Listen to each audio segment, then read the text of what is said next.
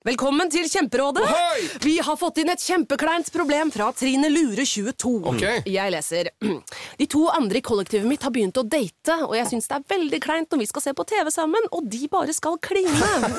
Ok, ja, Yes. Hvordan skal hun løse dette?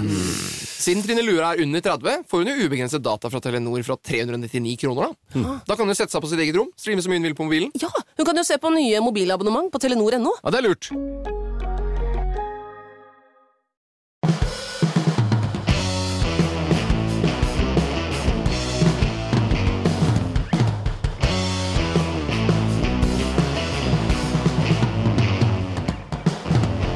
Ja, Per, eh, i dag tar jeg ordet eh, fordi eh, temaet i dag har vi diskutert om vi skulle ha et par ganger. Så har vi endelig kommet til det. Men lite visste jeg at du var jo opptatt av dagens tema på en helt annen måte enn jeg trodde. Fordi, og jeg vet ikke om jeg skal fortelle dette, men du var jo så heldig og hadde en Aleinaviken. Ja. Uten barn, uten kona, uten noen ting. Kan gjøre hva du vil. Og hva velger du? Her ved siden av meg står altså en variant av han eh, Beer Girls, eller hva han heter for noe, der som overlever i villmarken, Ja. eller vår lokale Lars Monsen. Altså med telt, kniv, snøre, og opp går du til elleve om kvelden, og du forteller til meg hvordan du liksom utviklet sansene dine, og du kunne se insekter, og du hørte elgen eh, brøle bak deg, og du var der på jakt. Eh, og det er klart Jeg ble dritskuffa når historien ender med Jeg trodde liksom nå har han fanga og flådd en hare eller gjort et eller annet. Nei, nei, nei. Hadde med seg brun Stabburus brun lapskaus på boks. Ja, det er helt Som du, riktig. det, Og det, Mr. Lee Nudler og ja, litt det var liksom, Der stoppa Monsen-greiene. Ja. Men var dette er du, er du, fordi, Trener du da nå på at vi kan få utfordringer med mat? For det er jo det vi skal diskutere i dag. Matproduksjon. Og vi har jo et fremragende Ja. eh, gjester her i dag. Nei, jeg trener ikke på det. Jeg tenkte bare det var en eh, kul og litt annerledes ting å gjøre eh, en helg eh, alene. Men du ble rastløs etter dag én. Nei, ikke det. Du blir roligere og roligere eh, jo mer du er ute i marka, er min erfaring. Det er min erfaring. Det høres ut som jeg er ofte ute. Ja, det høres ut det, det, For det er, det er jeg jo ikke. Men vi har jo noen her som Ja. kanskje ikke er så mye i marka, men de er mye i media. Mye i media. Uh, skal vi bare introdusere dem? Kjør på. Jeg får lov til å gjøre det. Det får du. Takk skal du ha. Da har vi deg, Svein Tore Holsæter, konsernsjef i Yara. Velkommen. Takk for det. Uh, og sammen med deg så har du Christian Anton Smedshaug, daglig leder i Agri Analyse. Velkommen til deg også. Takk for det. Eh, da er det vel sikkert ikke overraskende for lytterne våre at vi skal snakke om mat, matproduksjon, eh, og sikkert også økende priser på matvarer, og, og, alle de utfordringene som eh, verden står overfor, eh, ikke minst med krigen i Ukraina. Eh, jeg tror vi starter med deg, Svein Tore, fordi det var vel da dag tre av krigen i Ukraina, 27. februar i år, at eh, deres lokaler i Kiev ble bombet. Og dette er jo en region som er svært viktig for både Yara, men også for internasjonal matindustri, for gjødselindustrien som dere er en del av. Eh, kan du si litt om hvordan krigen i Ukraina rammer dere og sektoren? Ja, Den slår jo veldig hardt. Det var faktisk eh, 26. februar at eh, kontorbygningen der eh, våre ansatte holder til, ble truffet av et eh, missil. Eh, Det var en eh, lørdag eh, morgen, så heldigvis eh, ingen av våre kolleger i bygget akkurat eh, da, men, men det var andre i, i bygget, og de flere som ble, ble skadd. Og det er klart, når, når du ser et svært kontorbygg med et hull i og Yara-logoen på, så kommer det veldig, veldig nært. Eh, Så så, vi er jo alle preget av eh, det vi har sett og det vi hører eh, derfra, og, så har det store effekter over hele verden. Altså Først og fremst en humanitær krise i Ukraina, og, vi fordømmer inva- invasjonen på det sterkeste, og så har det effekt fordi Ukraina er en stor landbruksnasjon, store på, hvete, på, på solsikke, på, på mais og andre jord, jordbruksvarer, og da, da treffer det veldig mange, og det, det slår ganske fort ut også. Men Kristian, er det sånn, når du hører på dette, er det sånn at var vi godt nok forberedt på en krise som eh, da ender med at eh, hovedkontoret til Yara blir truffet av en missil, og at eh, det blir krig i Europa? Vi har på mange måter krig i et matfat og høye energipriser. Eh, det er, vi er i the perfect storm. Eh, var vi godt nok forberedt? Ja, vi er nok nesten i the perfect storm, i hvert fall. Eh, Nei, altså Vi er jo åpenbart dårlig forberedt. ikke sant? Vi så jo det på koronakrisen som vi akkurat har lagt bak oss. Det, det mangla jo en del medisinsk smittevernutstyr, for å si det forsiktig. Det satte jo preg på alle de tiltakene vi gjorde. Nå er vi i en situasjon hvor vi kan risikere, jeg understreker fortsatt kan risikere, at de ikke vil være tilgjengelig eh, matvarer på en god del av de sentrale produktene, sånn som oljevekster og hvete.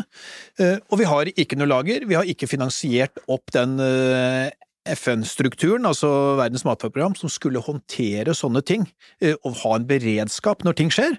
Så vi har på en måte vent oss til en litt sånn eh, global landsby etter murens fall, og vi avviklet de tradisjonelle beredskapsmekanismene, og liksom erstattet det med ideen om en, eh, et fellesskap som vil kunne løse det, og vi vil få varene når vi trenger det, i det omfang som vi ønsker. Altså, vi har hatt en just in time-verden, som nå på en måte kommer krasjende ned, og man lurer på hvordan bygger vi en just in case-verden. Det tror jeg er situasjonen, så jeg tror spørsmålet du stiller er veldig betimelig, men vi, er i grunnen egentlig ikke rede for dette her. Nei, øh, og det er jo det, sant? det er utrolig interessant det at vi har jo en just in time-verden på bildeler, på biler, på elektronikkutstyr og på alt det som vi er vant til å kjøpe fra, fra øh, spesielt produsert i Kina, men, øh, men det er vel de færreste som har reflektert over øh, at mat og tilgang på mat skulle være like sårbart. Eh, og så er det jo en åpenbar forskjell, men er det just in case-systemet som du da sier vi går mer og mer over på, er det Burde vi ha hatt det på plass?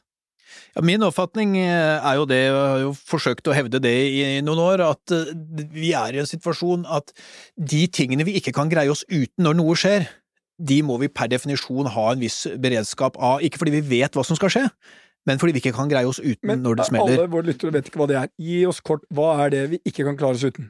Ja, det vi ikke kan eh, klare oss uten, det er tradisjonelt så har jo det vært sånn type medisinsk smittevernutstyr. RF to år siden. Det har vært en del eh, medisiner og medisinsk produksjonskapasitet, eh, infusjonsvæsker og sånne ting. Eh, det har vært eh, energi i ulike former, ikke sant, type gasslagre, bensin, oljelagre og så. Og det har vært mat i ulike former. Eh, Da er det det vi primært prater om, det er grunn eh, sukker, oljevekster og hvete, og eventuelt fòrkorn til dyra.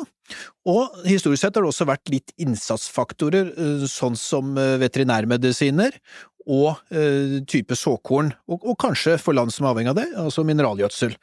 Og dette har vært strukturer som man hadde plan for før muren falt, og før man på en måte trodde på, på en, måte en form for evig fred. Og så kommer disse her eh, situasjonen nå, som begynner å si det at nei, men kanskje vi tok feil, kanskje vi tok feil etter murens fall, kanskje vi, vi hadde en for enkel verdensanalyse. Hvordan ser nå den nye verden ut, hvordan skal vi bygge opp denne just in case-verdenen igjen? Det er vi så vidt i ferd med, men det er denne debatten da, som vi nå skal starte, som jeg tror blir helt avgjørende for å få den beredskapen jeg tror framtida gjør nødvendig. Da. Det er vel, det er vel sånn at ca. halvparten av all matproduksjon eh, i verden eh, trenger eh, gjødsel i en eller annen eh, form, altså bruker mineralgjødsel, og Yara er en av de tre-fire største gjødselleverandørene i verden. Ja, og her har vi jo en stolt historie også, fordi vi, sto jo overfor eh, hungersnød i Europa hvis vi går 120 år eh, tilbake, fordi Mm. planter eh, trenger næring for å vokse, akkurat som oss mennesker, og når befolkningen vokser og du må ha mer mat, hvis du da ikke får like mye næring tilbake igjen i åkeren, så faller avlingene, og det var det som skjedde. Ja. Og da hadde man behov for å produsere i mye større skala, og den som knekte koden på det med en helt ny innovasjon, det var professor Birkeland. 1,5 km unna her, det var starten på vårt eh, selskap. Og i dag så er, er det sånn at halvparten av verdens befolkning får mat på grunn av gjødsel. Men disse, disse gjødselvariantene som dere produserer, er jo i ganske stor grad avhengig av innsatsfaktorer fra Russland. Eh, Det er vel, er det, stemmer det at de er verdens største leverandør av de delene som gjødselen til Yara består av? Ja, de, de er eh, blant de aller største på de tre eh, hoveddelene av eh, gjødsel, altså nitrogen, fosfat og kalium. Der er eh, Russland en, en stormakt. Og så er det jo i tillegg, da, når man produserer nitrogengjødsel, så trenger man gass, og 40% av gassen i Europa kommer jo fra Russland. Og hva gjør dere da når det markedet stenges for dere? Dere, dere kan ikke lenger kjøpe kalium eller fosfat eller nitrogen fra den viktigste leverandøren deres. Hvor går dere da?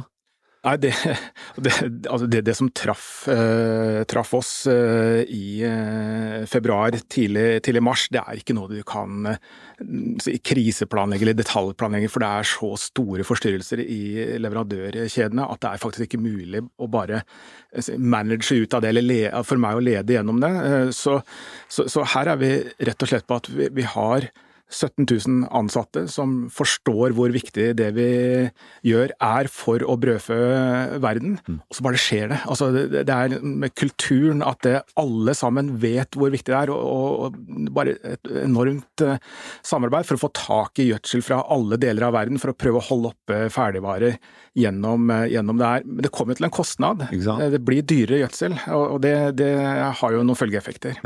Men eh, det Svein Tore er inne med her sånn, det må brødfø verden. Hvis vi tar en litt sånn, Jeg liker å starte med sånn øh, eh, Hva er det optimale her? Hvis vi skulle bygd opp matsystemet vårt Si at vi begynte med blanke ark. Vi gjør det fra scratch. Veldig forenklet, Kristian, Hvordan vil det sette ut? Nå kan du bestemme. Sånn skal vi gjøre. Dette løser problemet. jo, takk for tilliten. Men, eh, altså, Sve- Sve- Svein Tore skal få lov til å svare, han også. Ja, Men jeg begynner med deg, som har boka foran seg, som nemlig heter Kan jordbruket fø verden? Mm. Jordbruk og kampen om ressursene. Christian Anton Smedshaug. Det er deg. Stemmer. Jo jeg har jo for så vidt lagt hodet på blokka tidligere her, så jeg må jo forsøke å svare. Uh, altså Kortversjonen er at hvert land må på en måte prøve å utnytte sitt produksjonspotensial best mulig. Det må vi ta utgangspunkt i, og det ser litt annerledes ut i Norge enn det gjør i uh, type Italia, enn det gjør da i, uh, i Brasil. Men med utgangspunkt i det, og for Norges del så vil jo det bety at vi bør strekke oss fra de 45% selvforsyning vi har i dag, til sånn 50-55, men vi kommer ikke i mål uansett. Vi må ha en betydelig handel. Eh, Men ok, vi må få aksept for det, og det må andre land få, så de kan få en beskyttelse for det jordbruket, så de får utnyttet sitt eget potensial. Derfra og videre så bør vi bygge opp en buffer da, i de ulike land på de viktigste importproduktene. For at hvis du har en buffer, altså type lager av noen vesentlige produkter, sånn som nevnt i stad, så vil du når dette skjer, så vil du ikke ha det store stresset, for alle vet at det finnes en buffer der. Da får du ikke den veldige prisveksten, og da får du heller ikke det stresset på de landene i sør som har en dårligere betalingsevne, så da slipper de både prisveksten, og vi slipper å kjøpe maten ut av munnen på de som eventuelt er sultne. For, fordi det er vel sånn at landbruk er vel en av få sektorer, eller den eneste jeg kommer på i hvert fall, der vi har en form for just in case-beredskap allerede. Så, sånn, det er jo ikke Det er jo ingen naturgitte grunner til at Norge skal ha hveteåkre, eksempelvis. Det kunne man i Hvis man var Hvis man tenkte på mat som man tenker på silisiumbrikker eller, eh, eller elektronikk, så ville man jo outsourcet det til gode marker, markeder for den type matproduksjon, som Ukraina og Russland. Men så Jo, har men vi en ganske stor nok. hjemlig matproduksjon. Jo, men altså resonnementet er jo for så vidt greit i den forstand at Ukraina kunne fylt opp det vi eventuelt ikke produserte, eller det finnene eventuelt ikke produserte, som også ligger litt på marginalen. Men så stort er ikke Ukraina. Nei, Altså, nei, nei, Ukraina produs produserer egentlig på maks nå, så hvis vi ikke hadde produsert, hvis Finland ikke hadde produsert, hvis eh, det type Sveits ikke hadde produsert, så ville ikke Ukraina greid å fylle det rommet. Det er ikke sånn at det er store ubrukt potensial i verden i dag. Så du kunne ikke ha gjort med mat som man gjør med mange andre produkter? At du outsourcer den type produksjon til de som kan produsere det billigst og best? Nei, det er jo det som gjør på en måte mat og hele landbrukssektoren så unik, ikke sant, og, for dette, og det har vært en spesiell regulering av den, og den, eh, tilbake til murens fall, den endret seg jo også da i etterkant, ikke sant, da hadde alle land et visst lager, alle land forsøkte å produsere optimalt, og, la, og jordbruket var ikke inne i dagens frihandelssystem. Det som er dagens eh, WTO-avtale, der var ikke jordbruket inne, det var utenfor avtaleverket, fordi at det var sett på som så viktig for å optimalisere produksjonen i hvert land, ha et, et uh, lagersystem i hvert land som da kunne buffres opp, og hvor prismekanismene der var for så vidt nasjonalt bestemt. Uh, og så hadde man da et, et fellessystem gjennom FN uh, som skulle ivareta, og det var ikke veldig godt utbygget, som skulle ivareta fellesutfordringene. Eh, så jeg tror vi kunne lære mye av det vi hadde fram til murens fall, men det vi ikke hadde bra eh, ved murens fall, det var nemlig det fellessystemet, Verdens matvareprogram, hadde små muligheter til å hjelpe de som var i nød. Hvis vi husker tilbake til Band-Aid og, og den, den Bob Geldof, ikke sant, så var jo den nettopp fordi man ikke hadde mekanismene for å hjelpe til på 80-tallet når det sleit i Etiopia, og de har vi heller ikke veldig godt utnyttet i dag, og dette vet jo Holsæter mer om enn meg, men problemstillingen er at det er det svære hølet i forhold til hvordan vi hadde det tidligere. Hvordan sikre en basis, basismekanisme, hvordan sikre regionale matlager som fort kan steppe inn, sånn som på Afrikas Horn nå, eller i deler av eh, Sahel-beltet. Så det er tre svar på ditt. Er Optimalisere produksjonen i hvert enkelt land. Bygge inn buffere, så vi slipper den nervøsiteten hver gang det kniper, og det kan komme oftere med klimaendringer og andre ting, i tillegg til den krigen vi nå opplever. Og eh, så må vi bygge opp de regionale bufferne. Og det siste punktet, det er å øke produksjonspotensialet i sør, og da er det ett ord som teller her, og det er produktivitet på arealene. For at ikke de skal øke arealene, for å, da er det mye Der som kommer jo. Svein Tore Så må produktiviteten eh, opp, og det er en fin overgang Det er en til, eh, Svein Tore. Svein Tore. Nå, produktivitet på åkrene handler jo i veldig stor grad om hvordan man eh, får maks ut av eh, det arealet man har, og der er mineralgjødsel helt avgjørende for å, å lykkes. Så blir jo det dyrere nå, da, var jo det du var inne på, med bortfallet av en del av innsatsfaktorene fra Russland. Dere må lete overalt ellers i verden for å få tak i de råvarene dere trenger. Eh, vil, eh, vil, eh, vil det gjøre det vanskeligere for verden å produsere den ekstra maten eh, som trengs i bortfall av eh, russisk produksjon, og i stor grad ukrainsk produksjon?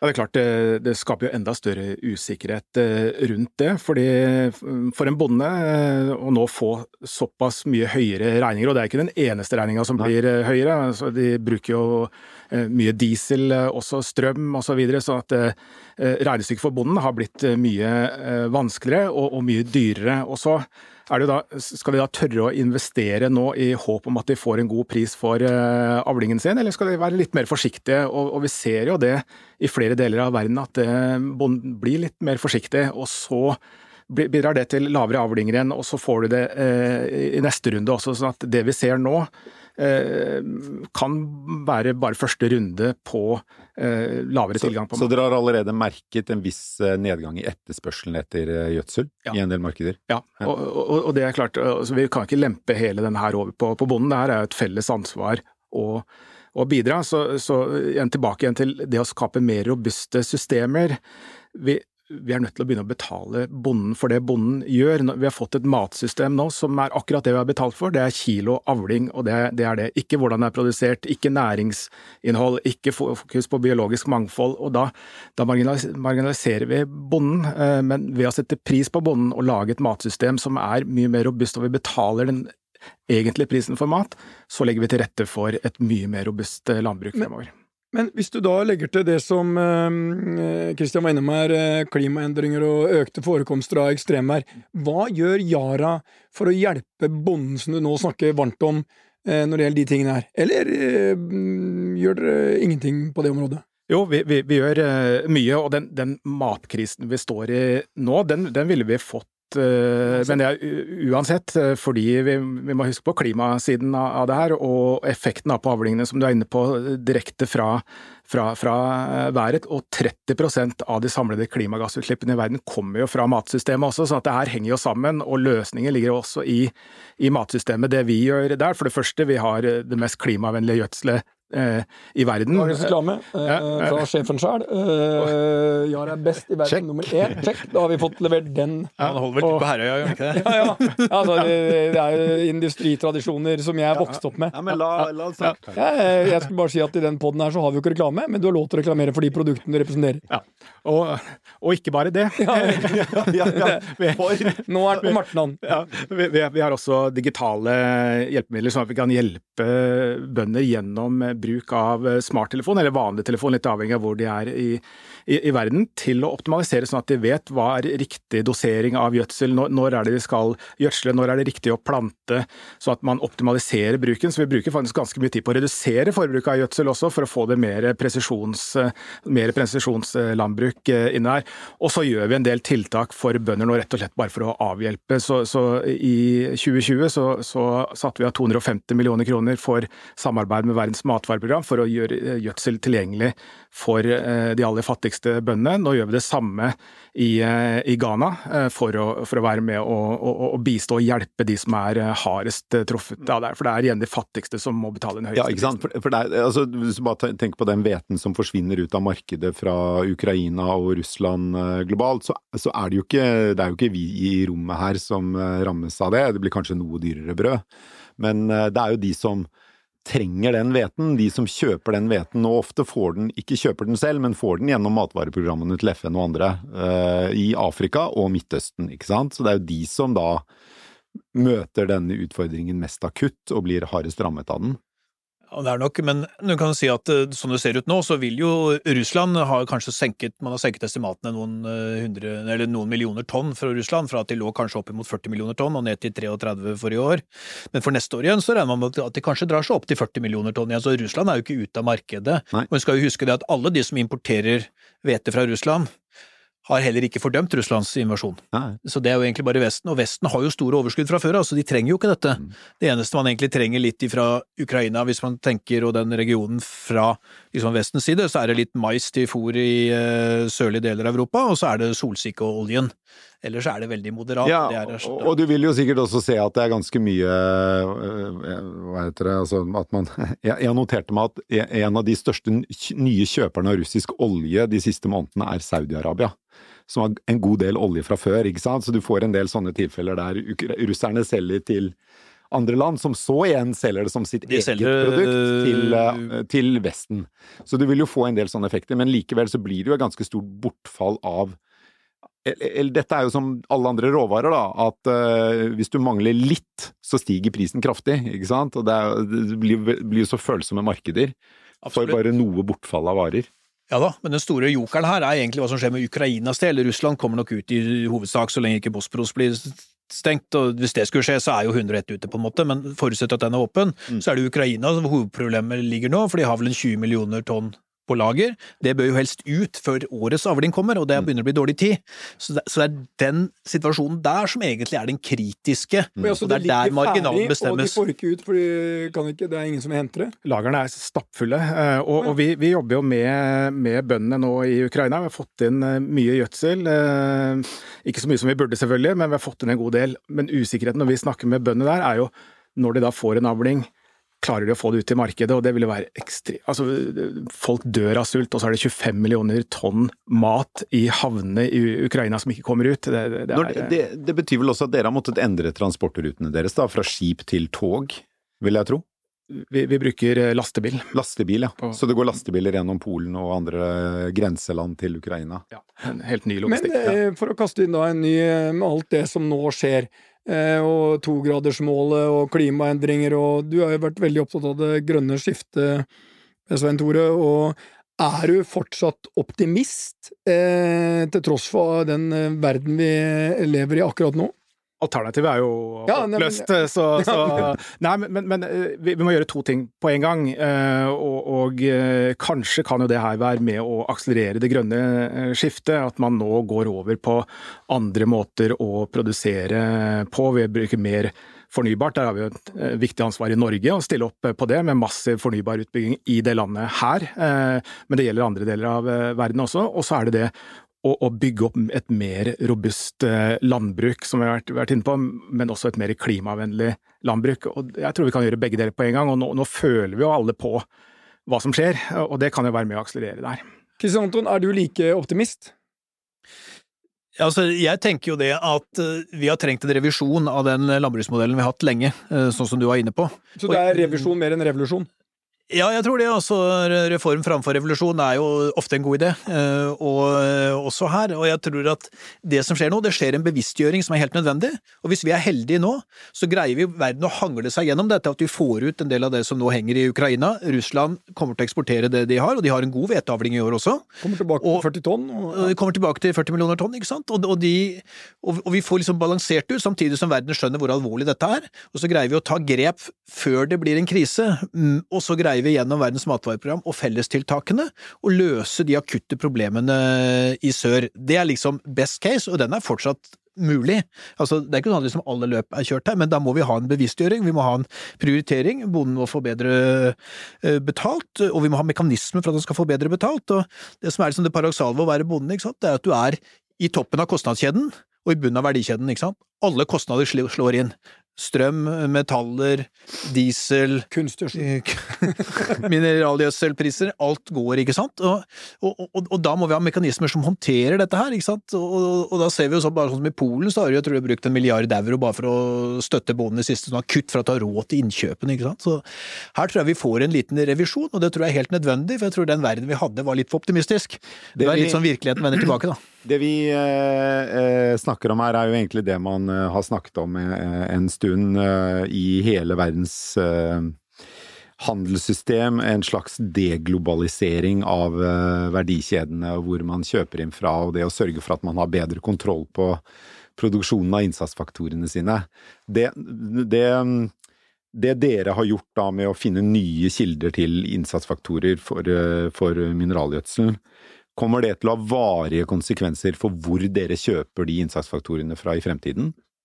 Jeg tror ikke det er noen vei utenom, og det har jeg sagt tydelig og offentlig også, det, det er at eh, når Russland nå bruker mat som eh, våpen, eh, eh, enten å holde tilbake om det er eh, avlinger eller innsatsfaktorer til, til gjødsel, så er det nødt til å redefinere systemet for, eh, for all eh, fremtid, for da, da er usikkerheten der. Altså, selv i den kaldeste av den kalde krigen så, så gikk jo gassen og, og mineralene på tvers av grensene. Nå endret det seg, og da må vi ha et annet system som er mindre avhengig av Russland enn det vi har i dag. Og, og, og, og du sier det gjør det jo dyrere? Og, Kanskje? eh, Ja, På kort sikt så er det jo det, fordi da får du jo eh, så store endringer som må gjøres, ikke bare over natten. Vi, vi fikk jo eh, Vi måtte endre Vi kom, ble kalt inn til et møte og fikk beskjed om at nå stanser kjøpene fra fire av de største leverandørene deres fra klokken to i går. hvem hadde dere det møtet? Nei, det, det er med, med internasjonale myndigheter på sanksjonsgjennomgangen. så, sånn at, eh,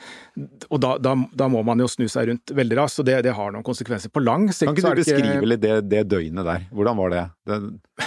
Nei, det, det, det er klart det er krevende. For vi, vi visste jo, jeg, her har vi sagt fra tidlig også, hva som er effekten når man forstyrrer eh, produksjonen av gjødsel, når halvparten av verdens befolkning er avhengig av og mat pga. gjødsel. Så når du da endrer det så mye på så kort tid, så har det en konsekvens. og Det, det, det følte vi jo veldig på. eh, Og så har det jo vært godt å se hvordan eh, organisasjonen har håndtert det for å opprettholde så høy grad av produksjon som, som mulig, men igjen da til en kostnad. Hvor høy produksjon har dere, da etter en viss stund i forhold til dere, før dere fikk den beskjeden?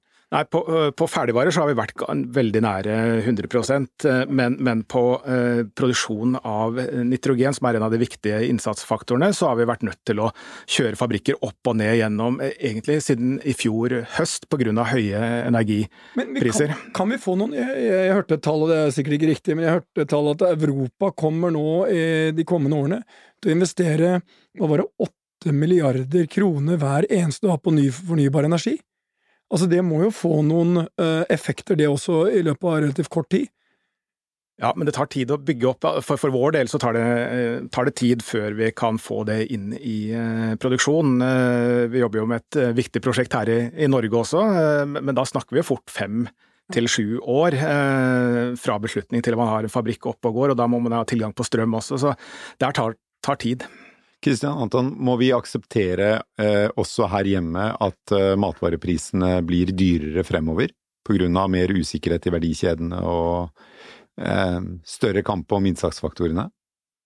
Ja, det tror jeg er ganske klart. eh, og Nå er det mye snakk om dette nå fram mot 1. juli og revisjonen av dagligvare skal vi si, kontraktene da, til leverandørene, så det vil vi nok se. Men jeg tror kanskje vi kommer til å se høyere prisvekst på importerte produkter enn på nasjonalprodukter, for der, eh, fordi at eh, nå nærmer de seg på en måte vårt nivå, og prisøkningen er mye raskere. Men jeg tror også det er helt nødvendig for å få den stabiliteten i framtida, så vi får opp eh, produksjonsvolumene generelt, ikke sant? For det er jo avhengig av bondens lønnsomhet, som vi var inne på. At hvis bondens lønnsomhet blir for usikker, så investerer han eller hun bare mindre, og volumene vil eh, falle. Så en kombinasjon av nødvendighet pluss at eh, den generelle prisveksten, og ikke minst tilbud og etterspørsel, helt sånn plane da, eh, gjør at eh, dette kommer til å komme ganske bredt, men vi skal huske at vi har vært i fallende trend nå i flere tiår.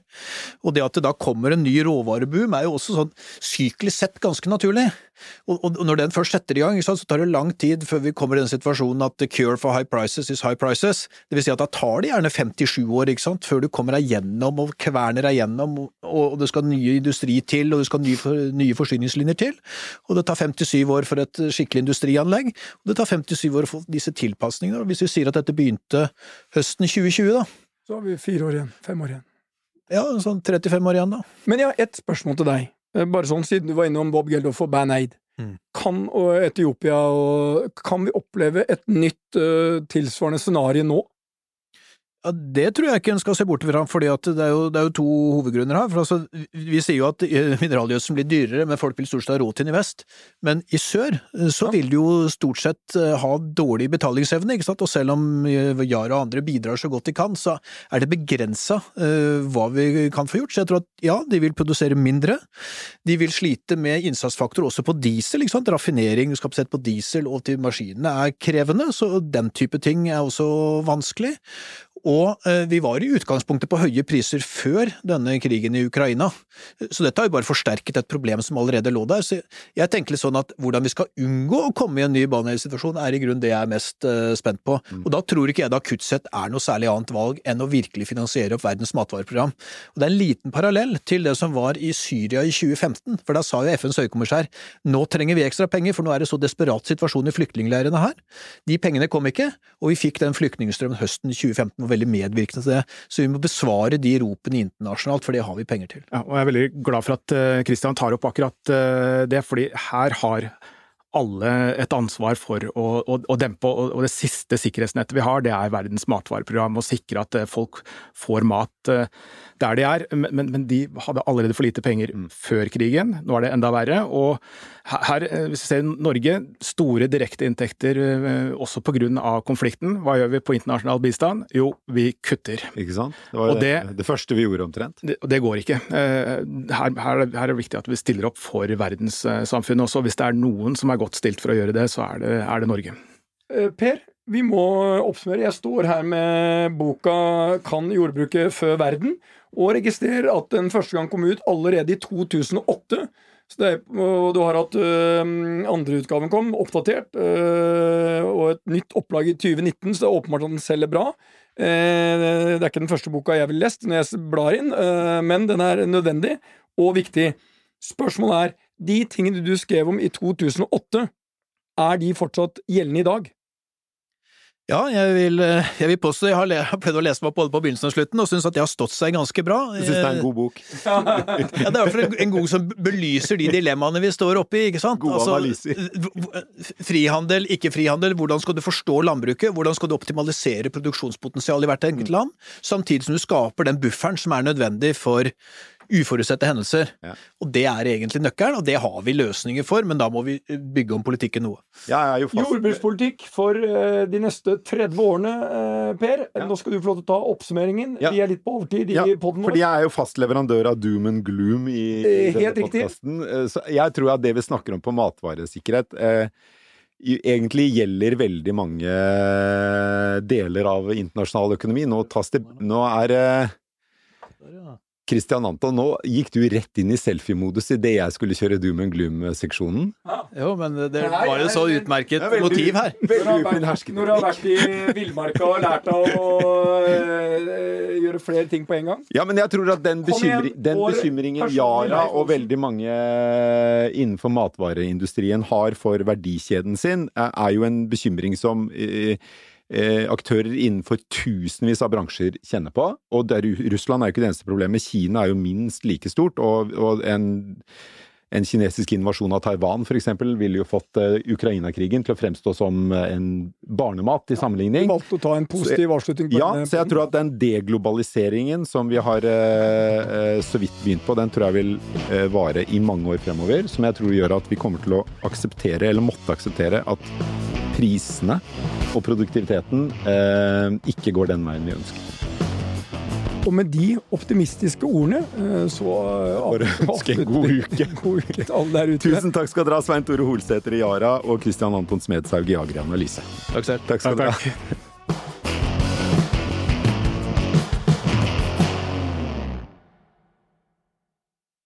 Velkommen til Kjemperådet! Yes. Denne gangen har vi fått inn et kjempedilemma fra en familie. Okay. Jeg leser Hei, vi er litt uenige i familien her. Mm. Hvis du skulle vært et dyr, ville du hatt gjeller eller vinger? Oi, den er tricky. Ja, hva ville dere hatt da? Altså, jeg vet ikke, men Med familierabatt får de ubegrenset data fra Telenor fra 399 kroner. Da kan de jo scrolle seg til svaret, rett og slett. Ja, ok, Men for min del Ja. gjeller. Nei, nei, nei, nei, vinger. Nei, nei, gjeller. Ja, okay, ja, kjempebra. Men eh, se nye mobilabonnement på telenor.no, da.